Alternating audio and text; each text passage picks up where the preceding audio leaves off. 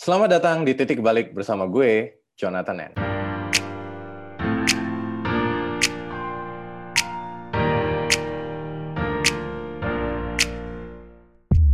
Halo teman-teman, kembali lagi bersama saya Jonathan di Titik Balik.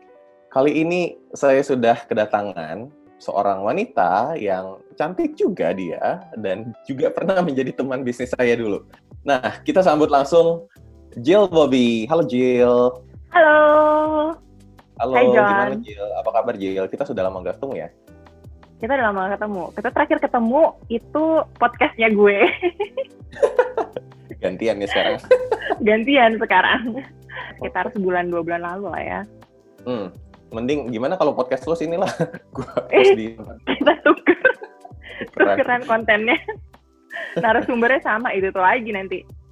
Betul. Nah, gua sama Jill ini dulu kita bikin kantor sendiri. Dia itu digital political consulting agency, asik ya. Dan itu memang khusus buat pemilu yang lalu. Dan setelah pemilu usai ya udah kantornya kita hibernate dan kita sekarang jalan sendiri-sendiri aja.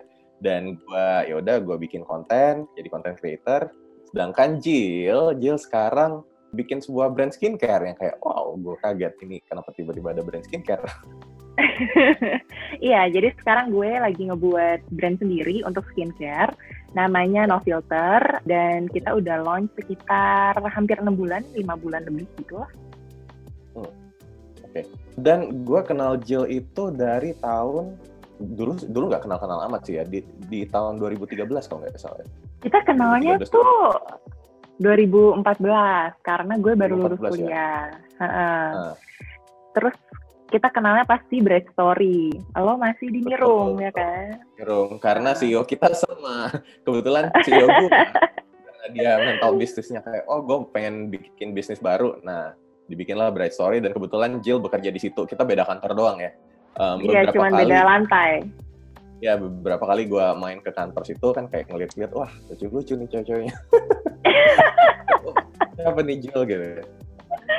Ya, Oke. Cuma waktu itu tidak tidak sempat mengenal Jill terlalu jauh dan iya akhirnya kemudian ketemu lagi ya. Tapi kita akan ke situ.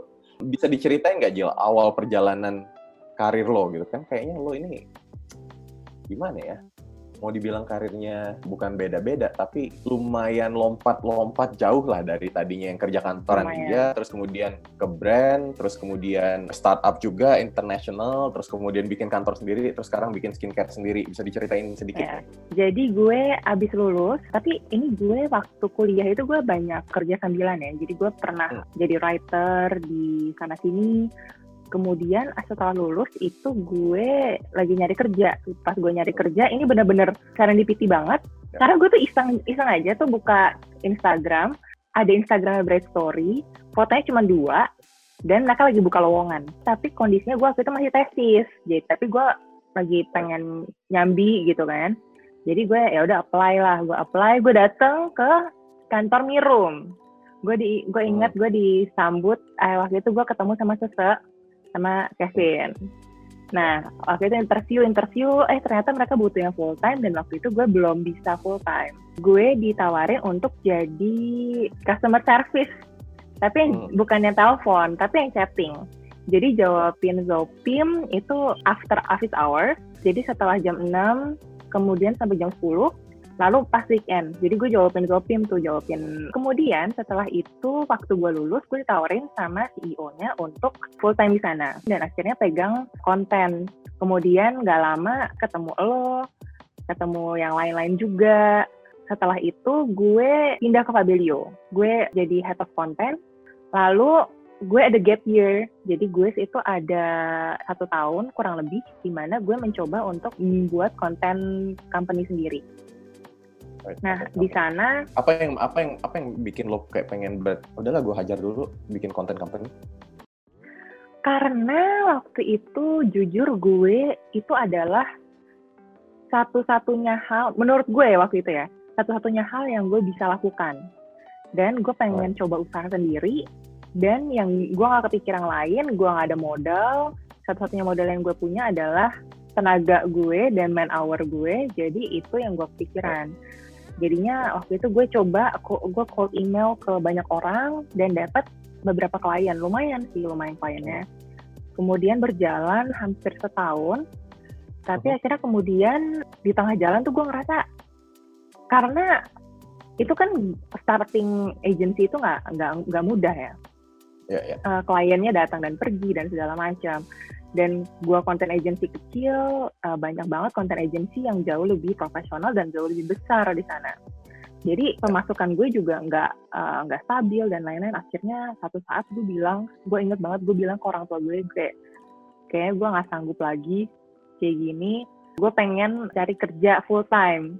Dan akhirnya gue Hmm. gue gue search lagi job searching job searching. Akhirnya gue ketemu sama satu tech company dari Taiwan namanya TPD TPD itu semacam Traveloka Experience kalau kalian tahu. Jadinya buat beli uh, experience experience gitu Disneyland dan lain-lain gitu kan. Ya. kemudian setelah dari sana ketemulah Joni. Ketemu lagi sama Joni. Kita buat Alexandria Strategi. Alexandria Strategi ini kita buat sekitar satu tahun lebih. Lalu setelah itu kita hiatus dan akhirnya gue buat no filter. Tapi eh tunggu. Di tengah-tengah antara Alexandria Alexandria Strategi dan no filter itu ada gue sempat bantuin Activate namanya.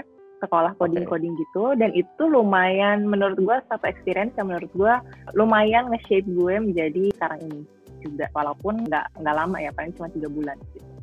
Right, right, right. Dan ini kan berarti apa ya? Banyak banyak banget nih perubahan lo, gitu kan?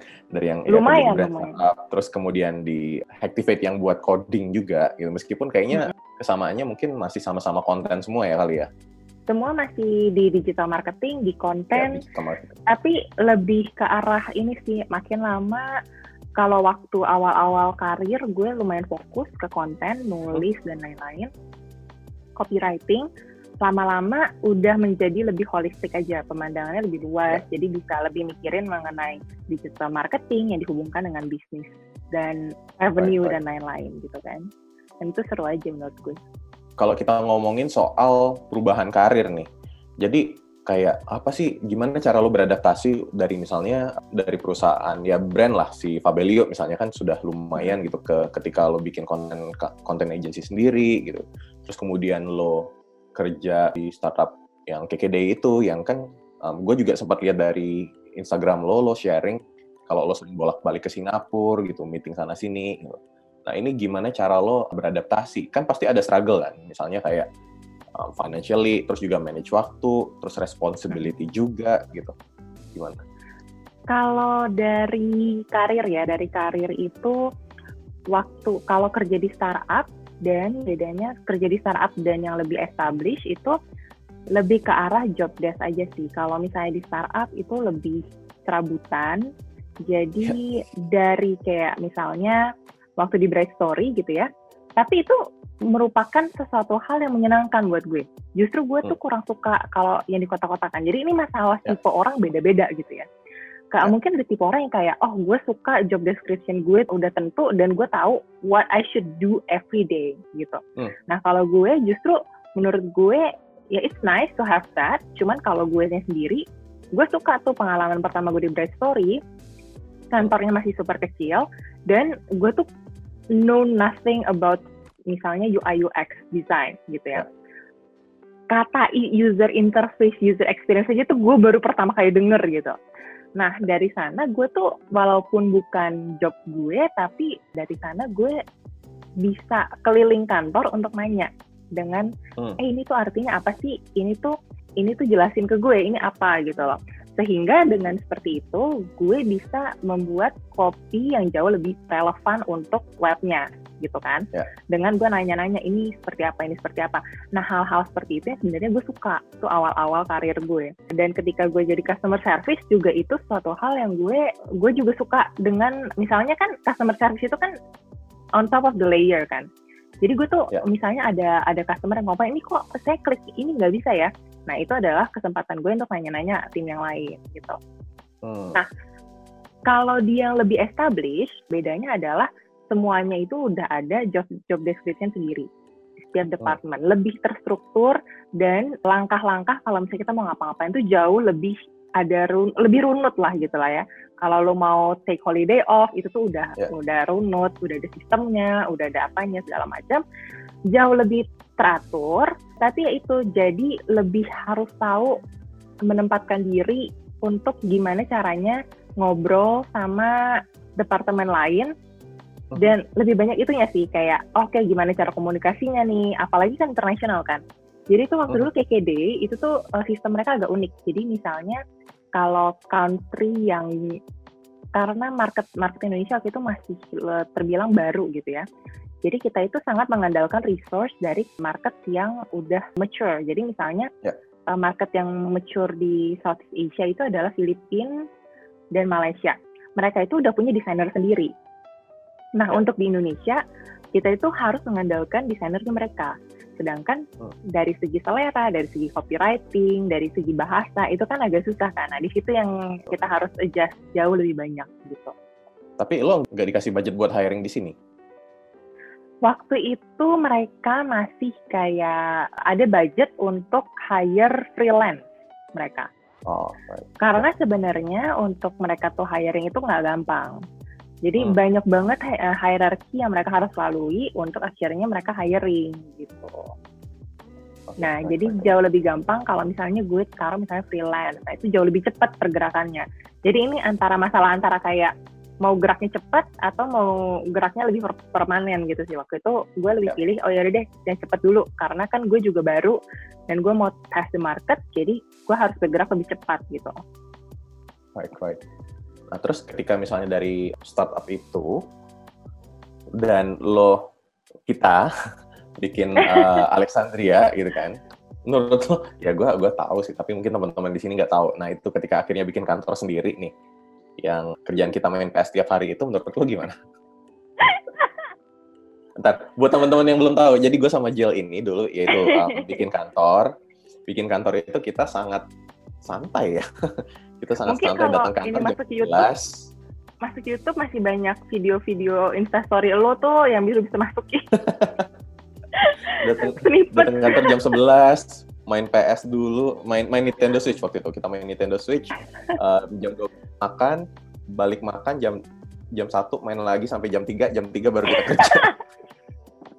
Itu enggak enggak bener gitu Tapi gue kerja sampai malam, guys. betul betul kita kerja sampai malam tapi jam 6 juga udah main board game lagi sih Udah main board game. Terus ntar pulang gue harus kerja lagi sebenarnya. iya betul betul betul betul mungkin itu ya kayak lebih fleksibel ya kerjanya gimana menurut lo Kalau dari kantor kita yang dulu yang gue eh, suka adalah eh, dari segi culture sih. Jadi kita Hmm. sangat menekankan di culture, team building, dan dari sana kita, gue masih ingat waktu itu lu ulang tahun, terus kita rayain, terus lu terus lu ada bilang, thank you guys, you guys are like my family now.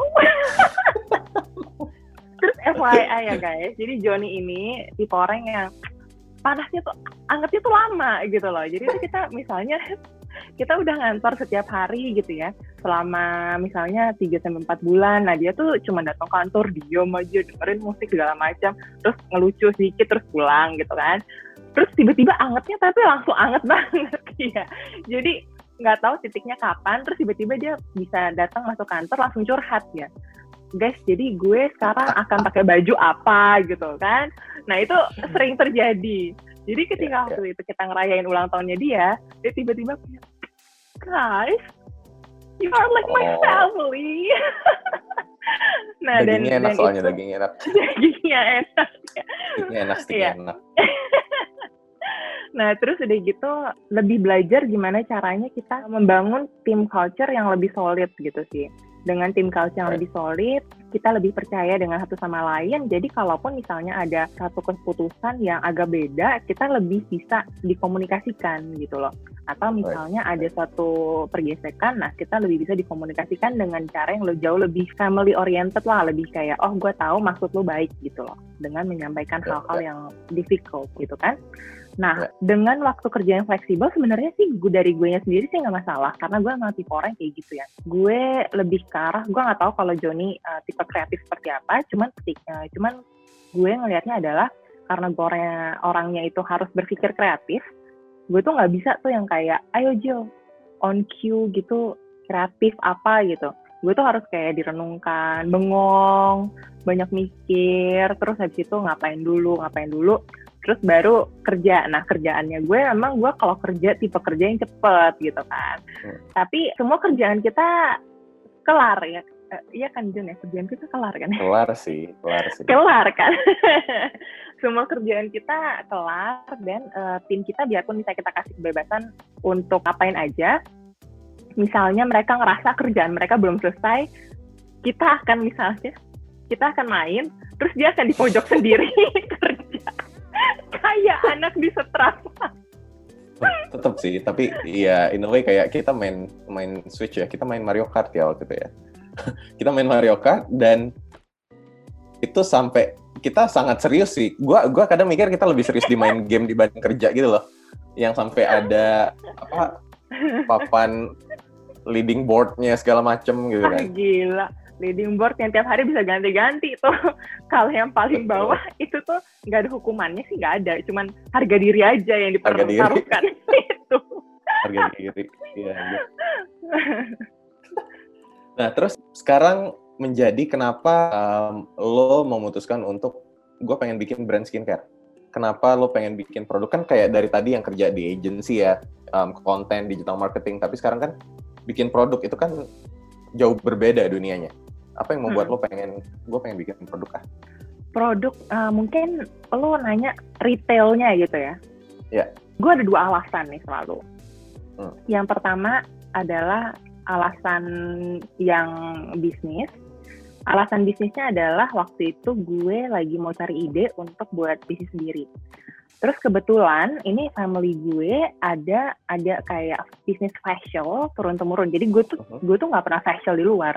Gue tuh selalu facial right. sama nyokap gue. Jadi gue kalau ngelihat instastory orang tuh lagi facial, nah gue tuh nggak nggak tahu rasanya gimana karena jujur gue selalu facial di rumah.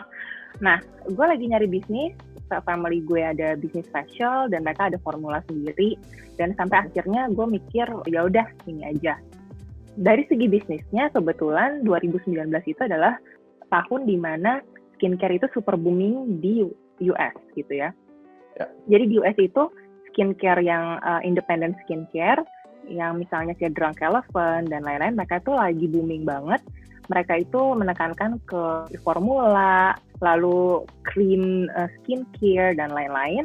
Itu tuh mereka booming sehingga mereka itu bisa di-acquire dengan company yang besar, misalnya Shiseido. Nah, kenapa Shiseido uh, memutuskan untuk acquire uh, brand-brand independen adalah karena brand independen ini sudah ada massive fan base sendiri. Yang Shiseido agak kesulitan untuk menjangkau umur-umur segitu dan massive fanbase yang seperti itu karena semua orang mikirnya si Seido itu adalah make up gitu kan. Sedangkan uh, tren di dunia juga orang tuh lebih pengen make upnya itu uh, wearing less makeup gitu. Jadi natural looking dan lain-lain. Sehingga mereka harus menekankan kepada uh, healthy skin. Nah, tren-tren seperti ini yang gue lihat dari luar dan akhirnya di Indonesia juga kelihatannya udah seperti itu ya kayak Korean clothes uh, makeup no makeup makeup look gitu-gitu dan lain-lain tuh lagi ngetren banget di Indonesia. Dan skincare itu orang-orang udah mulai aware nih oh gue harus pakai skincare nggak cewek nggak cowok gitu. Nah itu alasan dari segi bisnis. Dari segi personal gue ada alasan lain. Waktu itu gue kerja di Activate kan? Nah dari kerja di Activate gue itu senang banget kerja di sana karena gue bantu CEO-nya. CEO-nya is a good friend of mine dan teman-teman di sana asik-asik banget. Cuman tuh setelah gue melewati karir yang tadi gue lewati itu sekian uh, sekian banyak karir gue, gue menyadari kalau misalnya gue berkarir, gue akan mentok di misalnya di CMO gitu ya. Nah, gue itu rasa kalau misalnya gue CMO, gue itu terbatas pada satu lingkup marketing gitu. Jadi gue lingkup kerja gue, area jurisdiksi gue itu hanyalah dalam hal marketing dan teknik marketing. Which is I think banyak orang merasa itu oke okay banget gitu ya. Tapi ketika gue tuh di posisi itu di Activate, gue ngerasa gue I can do more sebenarnya. Gue hmm. gue pengen uh, be in charge of the business misalnya. Gue pengen mengembangkan bisnis ini. Gue pengen mengubah produk misalnya. Atau lebih in charge of banyak hal gitu. Yang di luar jurisdiksi seorang CMO dan akhirnya ketika gue mikir seperti itu gue mikir oke okay, gue pengen buat brand sendiri. Dan salah satu gue prinsip-prinsip dasar gue ketika gue buat bisnis adalah gue kan gamer gitu ya gue tuh gue tuh pengen melakukan sesuatu bisnis yang menantang. Tapi ya.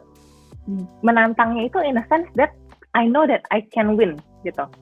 Lo lo juga main game kan John? Jadi misalnya Betul. kayak lo nggak suka counter strike gitu. Tapi lo suka game.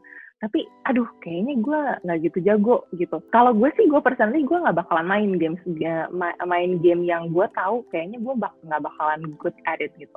Nah kalau misalnya ini brand ini I know it's gonna be challenging. I know there's gonna be a lot of hiccups, a lot of headaches in in front.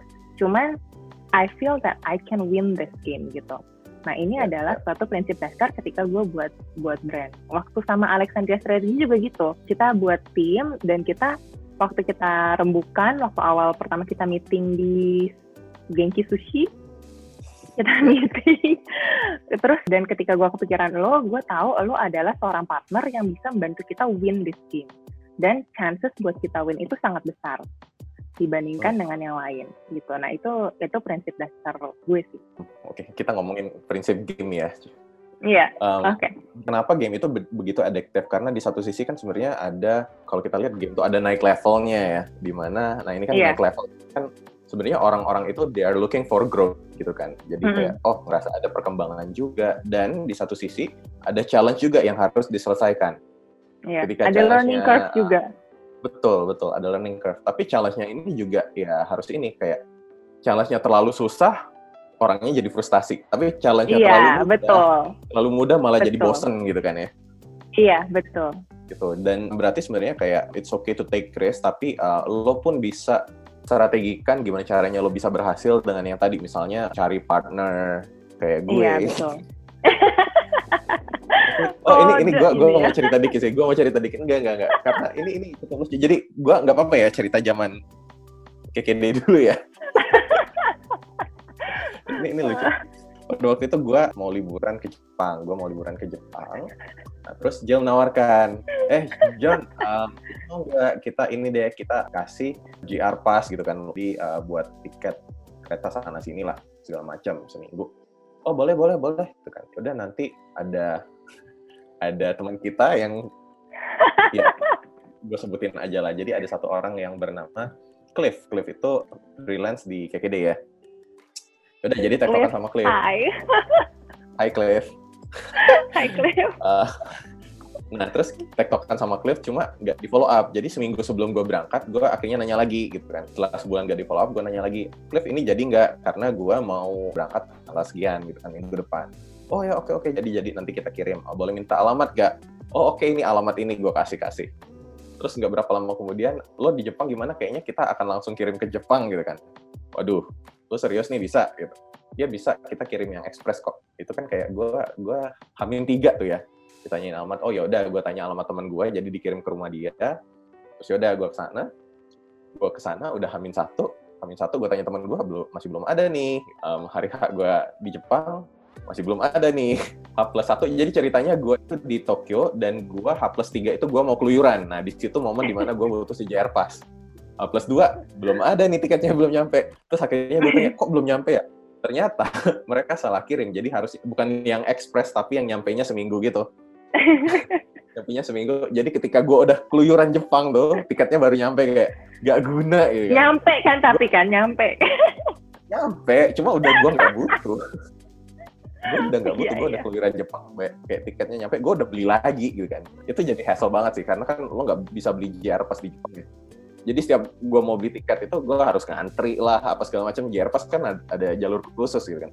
Dan ya secara kos juga jadi jauh lebih mahal lah karena gue harus beli tiket lebih banyak lah itu tuh sebenarnya gue kesel banget Jo. Wah gue kesel banget.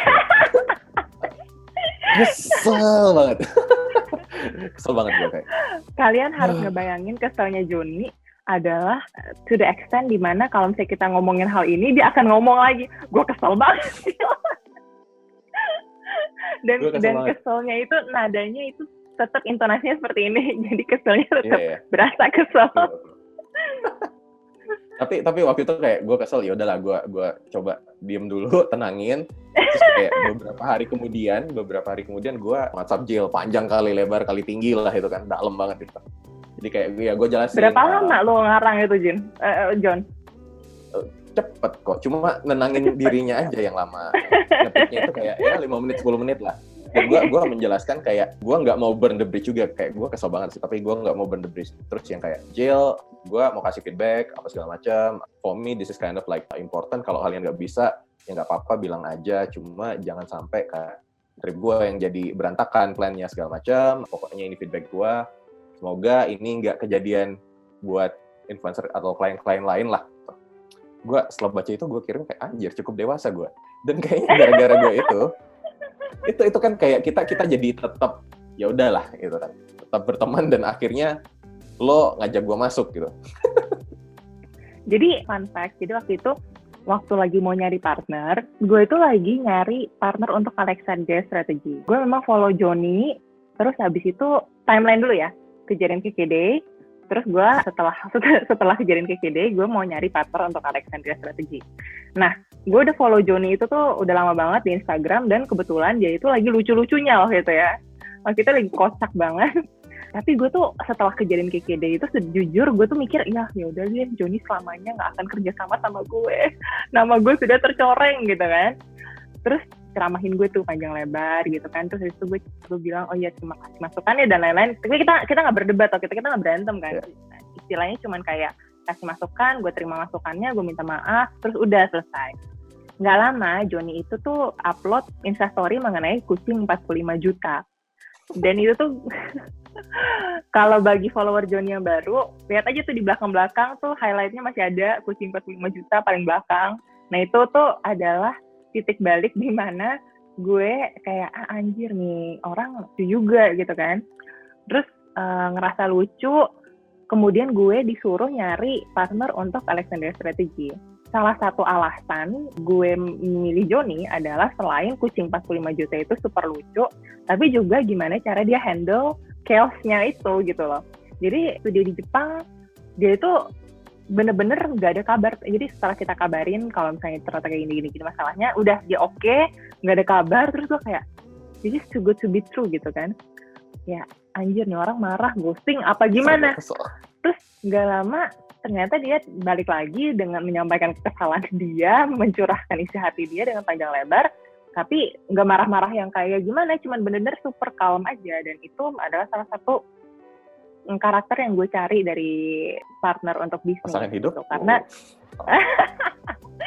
karena itu aku mikir oke kalau misalnya kita ada masalah apa di tim kita akan jauh lebih gampang untuk komunikasikan sama Joni dan itu memang terbukti jadi ketika kita sel- selama satu setengah tahun kita buat Alexandria Strategy kita juga banyak polemik-polemik gitu ya Joni ya sebenarnya tapi ya. bisa diselesaikan dengan ngobrol sama Joni gitu dan Ya. kita cari solusinya sama-sama dengan kepala dingin jadi kita nggak pernah yang kayak debat bersih tegang atau kayak gimana tapi ya kita ini aja komunikasikan aja gitu ujung-ujung selesaikan lewat Mario Kart langsung baikan lagi atau katan Iya, jadi dulu tuh saking seringnya main game ya, sampai ada kayak, oke guys, kita baru bisa main game setelah jam 6. saking gila. seringnya main game ah sama kita dulu nobar tuh apa Game of Thrones Oh, right, right, game. sampai sampai dipasangin sampai bela-belain masang masang hordeng gara-gara kalau Game of Thrones kan gelap banget tuh TV kita kagak kagak bisa lebih cerah daripada itu gitu jadi kita harus pasang gorden Betul, betul. Betul, betul. dan meng- digelapkan ruangannya gitu segitu niatnya guys betul. Nah, terus Jess, kalau balik lagi ke cerita lo, kalau gitu bisa dibilang titik terendah di karir lo yang lo paling struggle itu berarti di mana tuh ketika lo bikin konten agency itu ya? Iya betul. Jadi sebenarnya ketika gue itu 2015-2016 itu tuh gue ketika gue buat konten agency dan di ujung-ujung konten agency itu gue udah mikir sama diri gue sendiri gue nggak akan pernah jadi entrepreneur at all for the rest of my life gue akan kerja jadi gue bener kayak gila kayaknya Mungkin Kapok kalau ya, orang kapok lain banget ya. kapok banget, kapok banget itu bener-bener banyak banget problem-problem yang ngebuat gue super stres, gue nggak bisa tidur kalau malam. Hmm. Dan gue bener-bener bingung banget ini harus diapain dan segala macam. Akhirnya gue mikir sama diri gue sendiri, oke kayaknya gue bukan tipe entrepreneur nih. Mungkin orang lain bisa, tapi gue nggak bisa. Dan mindset ini kebawa terus sampai gue activate. Jadi biarpun gue udah ngebuat Alexandria Strategy sama kalian, tapi waktu Alexandria Strategy pun gue mikir oke ini sukses karena gue punya kalian gitu loh. Gue Hmm. ada support system yang oke banget dan kayaknya kalau gue disuruh buat sendiri kayaknya gue nggak bisa gitu. Jadi dan mindset itu kebawa terus sampai akhirnya activate lalu diterobos aja sekarang sih. Nah, sekarang Dan berarti gua- ketika lo bikin di No Filter, lo sendiri kan? Sendirian, sendirian banget. Gue nggak ada partner. Apa yang membuat apa yang membuat lo kan kayak kayaknya ada yang tadi konten-konten agency nggak jalan mungkin karena lo sendiri gitu kan. Nah, terus ketika Mm. ada partner kan, kan lo ngerti kayak oh ini kayaknya gue butuh support system lah. Dalam artian ya Mm. partner juga support system, tim yang oke. Nah, terus sekarang yang bikin lo nekat bikin ini sendiri apa? Apa lo tidak takut akan kejadian kayak si content agency? Atau gimana? Satu pengalaman mungkin ya. Jadi gue Hmm. udah ada berbagai macam pengalaman yang gue lalui dan akhirnya gue banyak refleksi ke diri gue sendiri kayak oke gue tuh tipe orang seperti ini bisnis seperti apa yang kurang lebih bisa gue mainkan kayak yang tadi gue akhirnya lebih tahu game apa yang bigger chance for me to win dan seperti apa faktor-faktor yang bisa mendukung gue untuk lebih menang jadi misalnya kalaupun misalnya gue sekarang ini nggak ada official partner gitu ya tapi gue udah ada koneksi yang cukup lebih luas. Bukan koneksi yang kayak mewah yang kayak oh anak presiden gitu. Enggak bukan. Tapi lebih ke arah support system yang uh, gue bisa tanya. Jadi gue udah ketemu berbagai macam entrepreneur misalnya. Dan sebelum gue buat no filter gue tuh ngajakin mereka ngopi loh satu-satu. Gue ngajakin mereka Hmm. ngopi satu-satu. Kemudian gue tanya. Apa yang lo nggak, tanya? uh, gue nanya banyak banget kayak eh menurut lo gue butuh partner atau enggak terus salah satu jawaban paling bagus yang gue terima adalah kayak gini. Sebenarnya nggak ada keharusan untuk lo mencari partner katanya. Tapi lo harus tahu ketika lo solo entrepreneur nanti tuh lo tengah-tengah lo bakal ngerasa lo kayak lagi berenang di lautan banyak ombak. Tapi ketika lo punya support system yang oke lo bakalan dikelilingi sama lo tau gak sih bola yang ngambang? Ya. yang ada talinya. Nah lo akan dikelilingi sama itu ketika lo, lo capek lo mendekat ke bola itu terus lo bergantungan dulu nih sementara gitu terus habis itu setelah itu baru lo bisa berenang lagi. Nah, kayak gitu terus gitu. Jadi selama ini gue kenal sama berbagai macam entrepreneur dan I make them my friend. Yang Hmm. di mana ketika gue lagi meragukan diri sendiri atau ketika gue lagi bingung ini arahnya mau ke mana, gue bisa tanya nih, eh menurut kalian tuh ini kayak gimana? Gue kok ngerasa Ya. seperti ini gitu ya. Nah, tujuan kita sebenarnya untuk cari partner kan to make us feel less alone dan bisa brainstorm kan sebenarnya ini bisa digantikan dengan support system. Jadi ketika karena gue sekarang masih belum ketemu partner yang oke, misalnya oh, partner yang cocok, gue build aja support system. oke John, Eh, Um, gue build saya- aja saya- nih support system gue yang oke, gue bisa brainstorm, bouncing out ideas, dan gue bisa tanya pengalaman mereka. Dan ketika mereka bilang, oh iya gue juga dulu pernah ngalamin kayak gitu, solusinya kayak gini gini gini gini gini. Nah itu akan membuat gue jauh lebih tenang ketika jalan gitu. Right, right. Berarti kalau ngeliat kisah hidup lo yang dari CS, lo berapa bulan jadi CS? Setengah tahun kayaknya ada deh. Setengah tahun ya? Ya lumayan lah. Iya. Dari lo jadi CS, terus kemudian um, Tapi CS itu tuh sama sekali itu juga role yang paling penting loh. Karena Iya betul betul. karena gue belajar cara berkomunikasi dengan baik sama orang dengan tulisan gitu ya itu dari situ biarpun gue gue asalnya penulis tapi untuk mengkomunikasikan dengan jelas dengan karena kan kita nggak ada intonasi gitu ya dengan Betul, betul. sopan dan tetap kayak tetap tetap kalem tetap kompos gitu segala macam itu tuh gue belajar dari sana justru ketika gue lulus kuliah dan menurut gue itu sebuah basic yang super penting yang gue bawa sampai sekarang Setuju. Dan CS itu kan sebenarnya dia itu garda depan lah. Dia customer facing. Iya, kan. heeh, betul. Customer lagi komplain bisa malah kalau ditenang berhasil ditenangkan, ujung-ujung malah si customernya bisa jadi lebih engage sama brandnya gitu ya. Heeh. Dan biarpun misalnya mereka marah nih, tapi kita Hmm. handle-nya customer service-nya oke gitu ya. Mereka tuh justru akan akan lebih menaruh bond ke kita gitu loh. Lebih ke arah, oh oke biarpun misalnya waktu itu nggak cocok tapi kita ke depannya masih bisa kerjasama dan itu akan menjadi bond yang lebih Ya. kuat kayak oh ya makasih ya udah ngeladenin komplain saya dan lain-lain dan itu penting Ya. banget Dan yang gue suka dari lo mungkin adalah lo ini orangnya semangat belajarnya tinggi gitu kan. Lo ngerti bahwa banyak hal yang tidak lo mengerti, tapi itu nggak jadi batasan buat lo. Itu kan yang yang kayak tadi lo cerita di Bright Story lo tanya-tanya UI UX apaan gitu kan.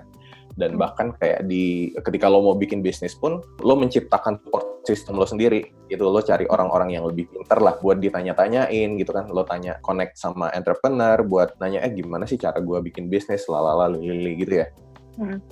Betul. How to build that spirit of learning Jo how-nya mungkin gue nggak ada kayak step by step. Cuman prinsip hidup gue adalah gue itu curious. Jadi dalam hal apa pun, misalnya nih sekarang pun misalnya gue lagi getol-getolnya main Mobile Legends gitu ya. gue diketawain loh. Gue nonton YouTube YouTube-nya untuk misalnya oke gue pengen role ini gitu. Gimana sih caranya gitu dan hal itu yang gue penasaran aja atau misalnya hal sesimpel gini ketika orang nanya sesuatu dan gue nggak tahu jawabannya gue akan langsung google on the spot kayak oh iya that's a good question. Gue juga nggak tahu jawabannya apa. Dan gue akan google. Jadi misalnya hal sesimpel eh ini tuh kota ini tuh di mana ya? Oh iya ya gue nggak tahu ya. Di mana ya? Gue akan google langsung. Dan itu kebiasaan-kebiasaan yang gue cultivate aja sih. Gue ladenin gitu loh kebiasaan-kebiasaan gue yang kayak gitu. Kalau misalnya gue nggak tahu gue akan nanya. Kalau gue nggak tahu gue akan google. Kalau gue nggak tahu ataupun misalnya ketika gue jadi entrepreneur ketika gue jalanin filter ini banyak hal yang sebenarnya gue udah tahu tapi karena gue jalanin sendiri jadi nggak nggak yakin sama diri gue sendiri nah itu gue akan tetap brainstorm sama orang ketika gue question myself, gue akan nanya, nanya lagi, nanya lagi. Mungkin pertanyaannya bakalan sama. Uh, satu pertanyaan gue bisa nanya ke 10 orang. Nah ini benar-benar ketika gue mau buat no filter, gue teleponin satu-satu. Misalnya waktu itu pandemi kan, gue teleponin satu-satu. Eh, hey, uh, lu mau nggak ngobrol sama gue? Gue pengen nanya-nanya. Gue nanya dari segi entrepreneur, gue nanya dari segi venture capital, gue nanya dari segi investor. Dari berbagai macam sudut pandang, gue nanya satu pertanyaan yang sama, gue tanya ke seribu orang, dan akhirnya gue bisa form my own opinion gitu dan itu adalah kebiasaan yang gue ladenin sih jadi kalau misalnya gue penasaran gue cari tahu gitu itu sesuatu hal yang gue nggak pengen nggak pengen ilangin Iya. Dan menurut gue juga, gue suka dengan ketika lo nanya pertanyaan yang sama ke banyak orang. Ya menurut gue setiap orang itu punya bias masing-masing. Gitu. Dan ketika lo nanya hal yang sama ke banyak orang, otomatis jawabannya juga nanti uh, masukannya eh, bisa jadi lebih objektif. Gitu. Jadi lo pun bisa menarik kesimpulan sendiri dan kayak oke kira-kira di situasi gue ini bisa diaplikasikannya seperti apa gitu ya. karena uh, menurut gue gini ya John ya karir pekerjaan entrepreneurship ini adalah sesuatu hal yang super personal. Jadi dalam hal arti gini, biarpun lo punya misalnya keluarga lo super mendukung lo, lo punya teman baik yang super oke. Tapi yang jalan ini lo gitu loh. Jadi dan itu adalah sebuah perjalanan yang nggak bisa diomongin sama siapa-siapa gitu. Ini benar-benar yang Ya. ketika lo jalanin, lo harus bisa jalanin sendiri. Yang lo rasain itu berbeda dengan orang lain, sudut pandang lo akan berbeda dengan orang lain. Nah, tapi untuk membekali diri gue sendiri untuk perjalanan ini, itu gue memastikan gue tahu nih kurang lebih ya jalan di depan seperti apa. Walaupun jalan gue mungkin akan beda dengan orang lain, tapi kurang lebihnya aja nih ngeker-ngeker oke seperti ini gitu. Jadi gue gue udah tahu oke gue harus siapin ini ini, dan ke depannya gue tahu kurang lebih jalan-jalan seperti apa aja yang available, langkah-langkah seperti apa aja yang ada di depan gue, dan persiapan apa aja yang gue harus siapin dari sekarang gitu dan itu bisa gue dapatkan biarpun gue nggak ada pengalaman itu gue bisa menggunakan pengalaman orang lain untuk mengarah ke sana gitu Right. Dan ketika akhirnya lo beneran ngejalanin si no filter, gimana pada pelaksanaannya? Apakah kayak, oh, this is going, atau misalnya, wah ternyata banyak masalah di sini-sini yang gue nggak sangka sebelumnya. kalau masalah yang gue nggak nyangka itu belum ada sejauh ini jadi memang karena gue udah mempersiapkan diri nih misalnya dari segi produk, dari segi nanya-nanya sama orang lain, Eh, nanya-nanya itu penting banget ya. Jadi Hmm. dari sana udah mempersiapkan diri, oh kurang lebih nih hiccups yang ada di depan tuh seperti apa gitu ya. tapi dari segi ekspektasi lebih ke arah gini. Gue udah tahu teorinya, tetapi hmm. ketika jalanin ada banyak hal yang berbeda dan hal yang berbeda itu adalah emotional attachment. Jadi ketika misalnya kita kerja sama orang lain gitu ya, yeah. mungkin kalau kita kerja ya udah kerja aja mau gimana pun ya udah nanti hilang tadi pecat dan lain-lain tapi emotional attachment sama produk itu tuh nggak ada nah ketika gue punya brand sendiri emotional attachmentnya ada dan hal itu yang lebih membuat perjalanan ini lebih kerasa sih gitu. Hmm. Jadi biarpun misalnya gue udah tahu nih, oke okay, teorinya seperti ini, ini, digital marketing seperti ini, budgeting seperti ini gitu ya. Tapi ketika jalanin banyak hal yang lebih kayak oke okay, ini bener gak ya aduh kalau gue salah kayak gimana kayak gini gini, gitu lah tapi dari segi hal surprising dan lain-lain nggak ada sih gue misalnya oh satu hal yang gue pelajarin kita gue dan lo tahu bisnis itu naik turun nggak akan pernah flat gitu kan tapi ketika jalanin maksudnya kita semua tahu bisnis itu naik turun naik turun naik turun tapi grafiknya akan naik secara keseluruhan, tapi di tengah-tengah pasti ada turun, naik lagi, turun lagi, naik, turun lagi. Ini adalah teori yang yang gue udah tahu dari dulu. Tapi ketika gue jalanin nih misalnya, ketika bulan-bulan di mana misalnya nah, hari-hari di mana turun, gue pasti langsung kayak anjir kenapa turun ya, terus langsung stres sendiri gitu. Padahal cara teori gue tahu nih, logika gue tahu, oke okay, emang bisnis tuh normal aja seperti itu, yeah. naik turun naik turun dan itu sebuah hal yang normal. Dan dengan pandemi seperti ini justru ini udah satu hal yang patut kita syukuri gitu loh. Tapi ketika dijalanin kenapa ya grafiknya nggak naik? Yang kayak lurus lempeng gitu naik. Nah itu perasaan-perasaan seperti itu yang tetap masih ada walaupun logika gue udah tahu gitu.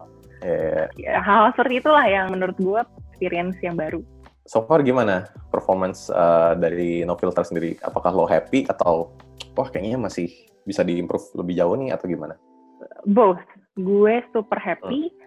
tapi on the other side gue juga merasa oke okay, ini masih luas sekali area permainan kita market-market yang belum tersentuh masih banyak kesempatan hmm. untuk growth masih banyak jadi gue lebih ke arah bawahnya seperti ini lebih kalau misalnya tadi mungkin dari pembawaan lo lebih ke arah kecewa karena banyak hal yang harus diimprove. Gue lebih ngelihatnya, gue lebih excited gara-gara banyak hal yang harus diimprove dan banyak hal yang masih bisa dikerjakan. Karena ketika misalnya produk tuh udah stuck, nah itu yang menurut gue itu yang harus dipertanyakan gitu. Tapi ketika masih banyak room to grow, masih banyak area untuk dieksplor, nah ini adalah satu hal yang menurut gue sangat-sangat exciting itu di situ. Banyak banget kemungkinan yang bisa terjadi dan kemungkinan-kemungkinan yang positif itu juga banyak. Walaupun kemungkinan negatifnya juga ada, tapi gue lebih ke arah excited aja. Oh, masih ada probability untuk grow yang sangat luas yeah. gitu. Ya ini kan uh, tergantung juga lo mau ngeliat gelasnya half full atau half empty, right? Betul. Hmm. Uh, kenapa namanya no filter by the way? Kenapa namanya no filter? Karena pertama, gue cari kalau cari nama brand itu yang gampang disebut. Jadi orang mana pun di dunia ini akan sebut no filter itu no filter nggak ada yang kayak no filter atau segala macam. No filter is no filter. Jadi mau yang gue suka adalah ketika misalnya kurir pengiriman datang, mereka tuh lancar banget tuh, no filter. Nah, itu adalah satu hal yang gue aim. Gue nggak pengen tuh kayak hmm, ini bu, ini saya nggak tahu nih ini no file, file apa. Nah, itu itu buat gue brand gue harus gampang disebut oleh semua kalangan dari segala macam kalangan dari segala macam suku bangsa gitu. Itu itu satu. Yang kedua makna di baliknya itu memang lebih dalam aja. Jadi gue karena kan gini kulit gue ini tuh sebenarnya gue ada keturunan flek gitu. Jadi oh. kayak memang ada spot hitam tapi ini oh. gue mau ke dokter mana pun di dunia ini emang nggak bisa karena itu menggenetik jadi biarpun hilang nanti bakalan ada lagi. Tapi yang dulu awalnya gue mau ilangin, tapi sekarang gue lebih embrace. Jadi lebih ke arah, hmm. oke okay, kalau memang nggak bisa hilang, dan semua orang malah pengen sekarang. Jadi kalau makeup itu di diada-adain freckles gitu loh. Yeah, kayak gue kayak anjir gue filter ada filter gitu. Instagram itu ya. iya, yang ada freckles gitu kan. Nah, kalau misalnya gue yang sekarang lebih ke arah oke okay, dengan dengan kondisi kulit gue seperti ini tapi gue pengen kulit gue itu terlihat sehat. Walaupun nggak tanpa filter tanpa harus dialus-alusin pakai aplikasi. Nah gue pengen embracing my skin. Jadi dari sana gue pilih nama, nama no filter dan juga itu super relatable. Jadi semua orang yang zaman sekarang udah pakai sosial media bahkan orang tua orang tua langsung connect gitu loh. Oh no filter ini kalau untuk skincare makna dibaliknya seperti apa untuk cerita yang lebih dalamnya juga bisa kayak to embrace our stories as a whole. Jadi hmm. banyak hal-hal yang kita kita nggak ceritain keluar karena takut dianggap kayak failure atau segala macam. Tapi justru hal-hal seperti itu yang motivasi orang gitu, yang membuat yeah, orang yeah. to feel less alone kayak gitu. Dan apakah ini menjadi misi lo dengan no filter biar semua orang embrace diri dia apa adanya, baik itu Betul. sukses maupun gagalnya? Mm -mm. The best self ya. Gue juga, hmm. I'm a big proponent of embracing yourself, but your best self. Jadi tetap berusaha, tetap misalnya untuk dari segi eh, penampilan lo ya kalau lo nggak jago makeup it's fine that's fine yang penting eh, your skin looks healthy you you you feel healthy and that's fine gitu baik baik baik oke sebelum kita menutup perbincangan kita kali ini ada any last words buat teman-teman atau para pengguna no filter atau yang lain? Any last words? Um, kalau yang belum pernah coba no filter bisa coba no filter karena sebenarnya prinsip dasarnya adalah kita pengen provide a skincare option dengan kualitas uh -huh. yang oke okay, tapi dengan harga yang terjangkau. Jadi harganya itu masih enggak setinggi harga-harga brand merek luar dan lain-lain. Tapi khasiatnya bisa banget dibandingkan, di compare sama mereka. Dan kalau misalnya untuk yang udah coba no filter juga pasti udah tahu kita itu produknya enggak enggak mementingkan ekstras misalnya kayak dalam tahap satu kali pakai langsung kinclong bersih dan lain-lain dan karena itu adalah formula yang super keras gitu. Uh-huh. Enggak, kita pengennya lebih natural dan lebih bisa ini aja sih lebih sehat untuk kulit secara dalam jangka panjang gitu. Jadi right. kalaupun misalnya mau coba bisa coba, bisa follow Instagram juga @skin by no filter. On the other side, kalau untuk misalnya masalah karir dan lain-lain, lebih ke arah gini sih. Kalau kalau dari banyak banget yang nanya kan, kak aku karirnya mendingan ke mana ya gitu. Kalau menurut aku, waktu dulu prinsip aku adalah lima tahun pertama aku bekerja, aku tuh pengen coba semua gitu. Oh. Aku pengen tahu semua, aku pengen biarpun misalnya nih, misalnya aku kayak mikir kayaknya gue nggak bakalan suka deh kerjaan itu, tapi gue ambil. Nah itu yang membuat gue selama, eh, selama lima tahun pertama gue bekerja itu gue belajar banyak. Ya. Dan setelah itu gue tahu kurang lebih, misalnya nih ketika gue bangun no filter, gue udah tahu oh pekerjaan ini I'm not good at it. Pekerjaannya ini I'm good at it, tapi I don't like it, I don't enjoy it. Hal-hal seperti ini yang akan membantu gue untuk membangun sesuatu ke depannya lebih eh, stabil aja. Oh, gue butuh bantuan di daerah ini, gue butuh bantuan di daerah ini. Kalau yang ini gue suka dan gue bisa kerjain sendiri dan gue enjoy. Hmm. Nah, hal-hal seperti itu yang menurut gue pengenalan terhadap diri sendiri itu sangat penting. Nah, makanya eksplor, oh, eksplorasi untuk lima tahun pertama itu juga penting. Gitu untuk right, tahu right. kita um, tuh sebenarnya ke arah mana. Oke, okay. any tips buat orang yang mau jadi entrepreneur berbisnis?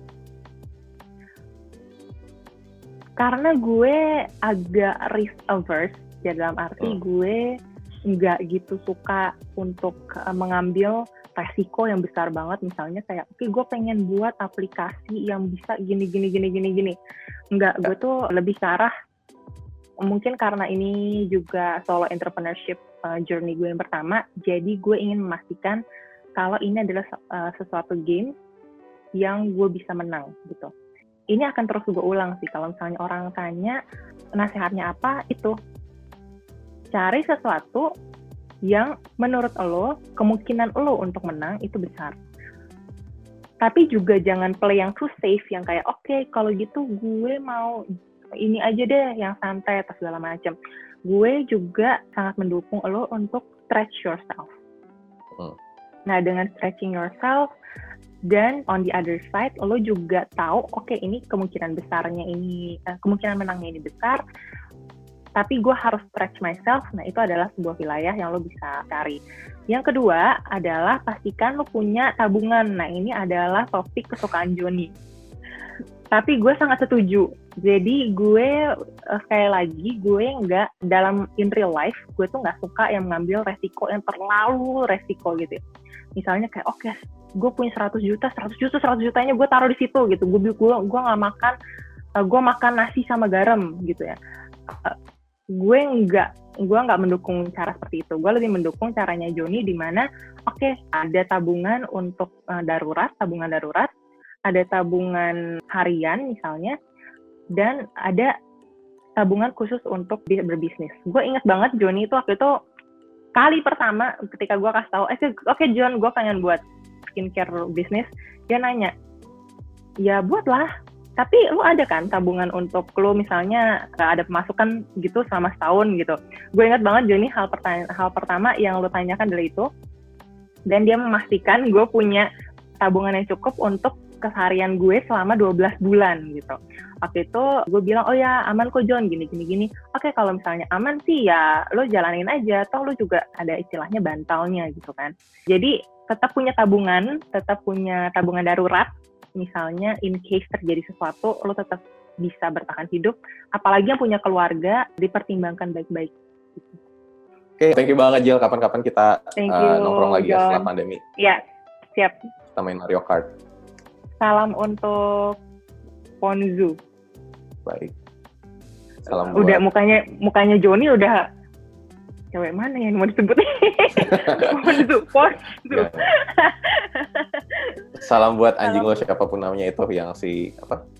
Si Totoro. Pit, Pitbull eh Pitbull apa French Bulldog? French Bulldog. French Bulldog ya, alright. Namanya Totoro. Namanya Totoro. Dengan grumpy face itu nama Totoro agak ya udahlah agak gak matching tapi it's okay. Lucu kan? Mukanya garang tapi namanya Totoro. Klasik. Baik, thank you okay, Jill thank you, buat penjelasannya. Um, terima kasih buat teman-teman yang sudah mendengarkan. Sampai jumpa di titik balik episode berikutnya.